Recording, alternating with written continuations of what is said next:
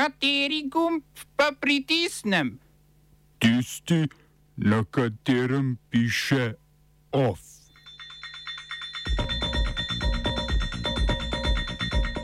Nemčija v Ukrajino vendarle pošilja svoje tanke. Nova strategija Evropske komisije za vračanje migrantov. Tri nova ministerstva in devet novih ministrov. Zati začetek čistke na časopisu Večer. V kulturnih novicah spomnimo se pisateljice Ilke Vašte.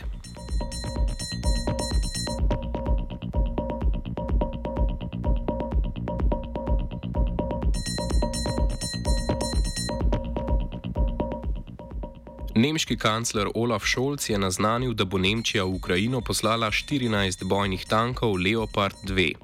Prav tako Nemčija daje dovoljenje za dobavo leopardov drugim članicam NATO.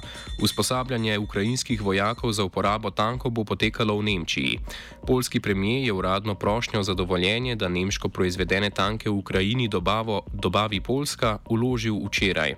Po poročanju ameriških medijev, ki navajajo anonimne vire iz Bele hiše, bodo 30 tankov Abram v Ukrajino poslale tudi Združene države Amerike. To je očitno prepričalo Šolca, da spremeni svojo zadržanost do pošiljanja tankov v Ukrajino. Do zdaj je bila Nemčija do pošiljanja tankov v Ukrajini zadržana, da ne bi to privedlo do dodatne eskalacije v razmerju do Rusije. V Nemčiji so ustrajali, da bodo tanke v Ukrajini poslali le, če enako storijo američani. Po poročanju nemških medijev bodo tanke Leopard 2 v Ukrajino poslali še z Finske, Nizozemske, Norveške, Polske in iz Španije.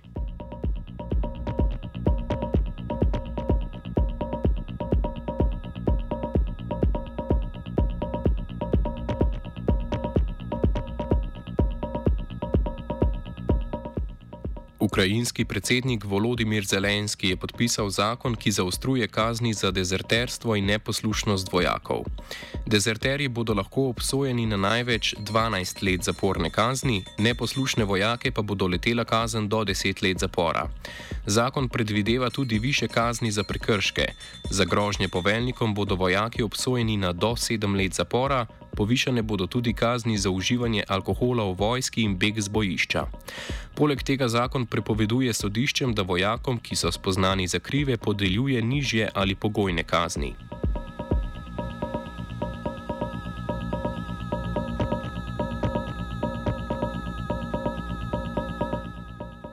Bolgarski predsednik Rumen Radev je napovedal predčasne parlamentarne volitve. Napoved sledi sporočilu bolgarske socialistične stranke, da je bila pri sestavi vlade neuspešna. To je bil tretji in zadnji možni poskus sestave vlade od oktobrskih volitev, na katerih nobena stranka ni dosegla večine.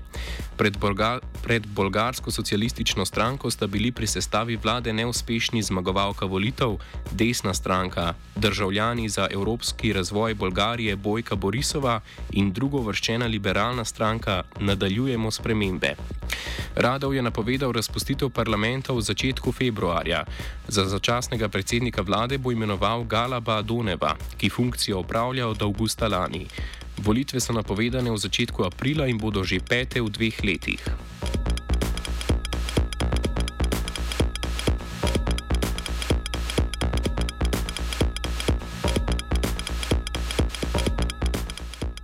Evropska komisija je predstavila predlog operativne strategije za učinkovitejše vračanje migrantov, ki so jim države članice zavrnile prošnjo za mednarodno zaščito. Evropska komisarka za notranje zadeve Ilva Johansson in ko koordinatorka Evropske unije za vračanje migrantov Mari Jurič sta povedali, da je ključni cilj predloga strategije ukrepitev delovanja sistema vračanja. Trenutno članice skupno izdajo okoli 300 tisoč odločb po vrnitvi, vendar je v države izvora ali druge evropske države poslanih nekaj več kot 70 tisoč ljudi. Delež migrantov vrnjenih v države izvora želijo povečati na 70 odstotkov.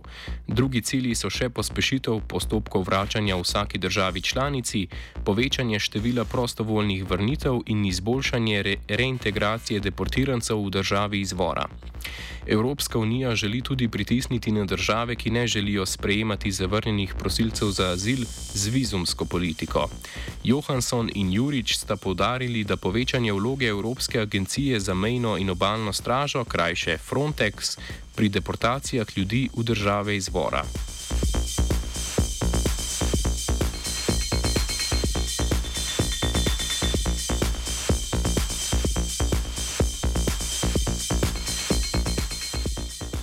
Skupina za človekove pravice Fortify Rights in 16 pripadnikov etničnih skupin iz Mjanmara so na nemškem ustavnem sodišču vložili kazensko vadbo zoper mjanmarsko vojsko. Obtožujejo jo genocida, vojnih zločinov in zločinov proti človeštvu. Te naj bi mjanmarska vojska zagrešila v zadnjih dveh letih po vojaškem udaru in med zatiranjem rohingov v zvezdni državi Rakine pred šestimi leti. Po navedbah skupine pritožba vsebuje dokaze o sistematičnem ubijanju, posiljevanju in mučenju pripadnikov te večinsko islamske etnične skupine. V Fortify Rights trdijo, da je kazenska ovadba edinstvena v tem, da vključuje pritožbe več različnih etničnih skupin, poleg rohingov še burmanov, činov, karenov in monov.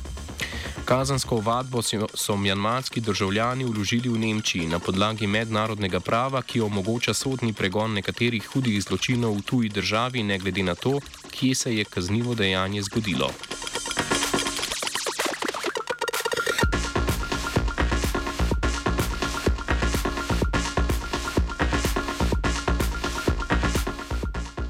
Svetovalec ameriškega zunanjega ministra Derek Cholet je kosovskega premijeja Albina Kurtija pozval naj sprejme predlog Evropske unije za normalizacijo odnosov s Srbijo.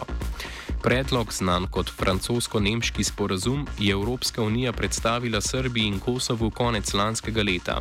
Sporazum, zaenkrat še neuradno, omenja vzajemno podporo med državama pri vključevanju v Evropsko unijo, ne vključuje pa medsebojnega priznanja ali članstva Kosova v Združenih narodih.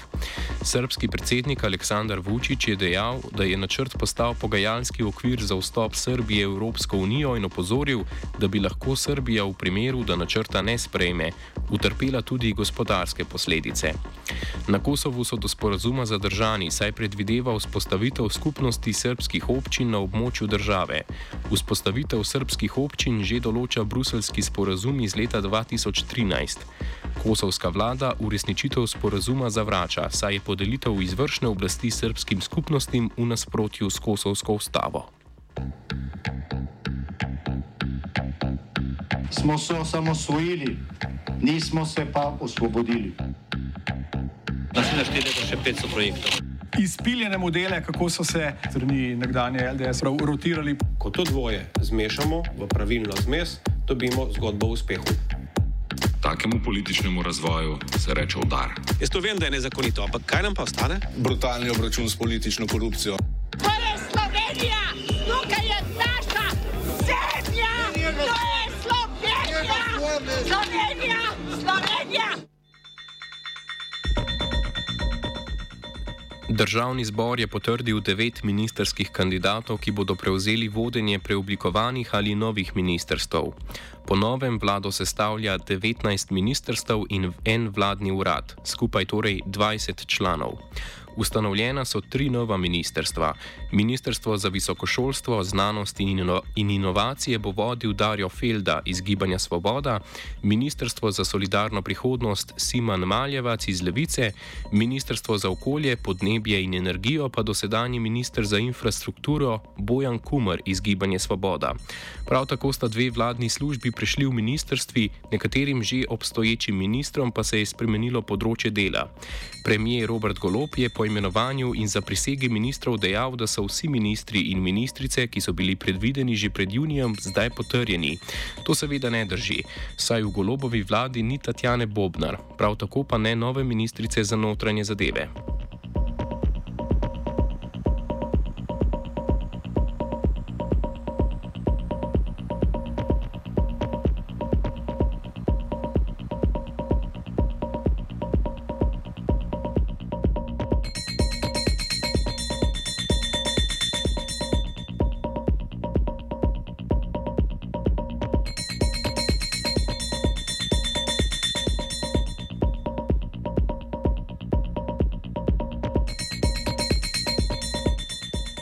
Na mestni občini Ljubljana poteka primo predaja poslov med Janezom Koželjem in novim podžupanom Rokom Žnidršičem. Poleg funkcije podžupana bo Žnidršič, tako kot njegov predhodnik, opravljal tudi funkcijo urbanista in mestnega arhitekta. Pristojnosti podžupana na področjih arhitekture in urbanistike sicer nista predvideni v zakonodaji. Janez Koželj je funkcijo opravljal 16 let in kot prvi mestni urbanist sestavil načrt dolgoročnega razvoja Ljubljane do leta 2025, ki je bil sprejet leta 2007, leto po prvi zmagi Zorana Jankoviča na lokalnih volitvah. Na podlagi začrtane vizije so julija 2010 na občini sprejeli tudi občinski prostorski načrt mestne občine Ljubljana. Vizijo novi podžupan podpira in se od njenih ciljev ne bo oddaljil.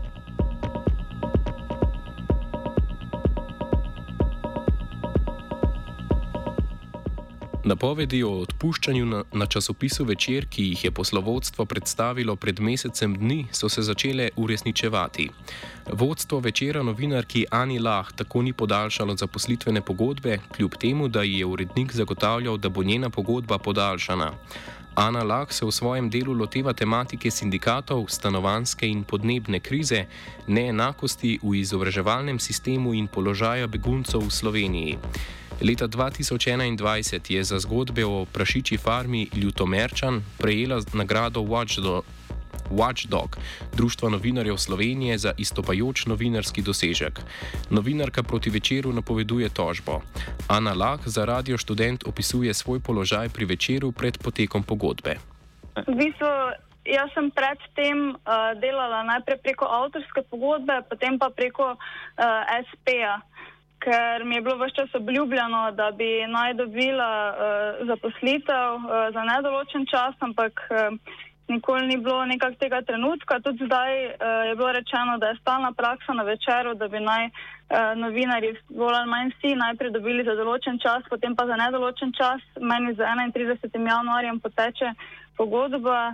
Um, tako da v bistvu je bilo mi pa zadnji trenutek sporočeno, no, da ne bom dobila podaljšane pogodbe, več čas prej uh, so, so mi v bistvu vsi govorili, da bom zagotovo dobila za nedoločen čas.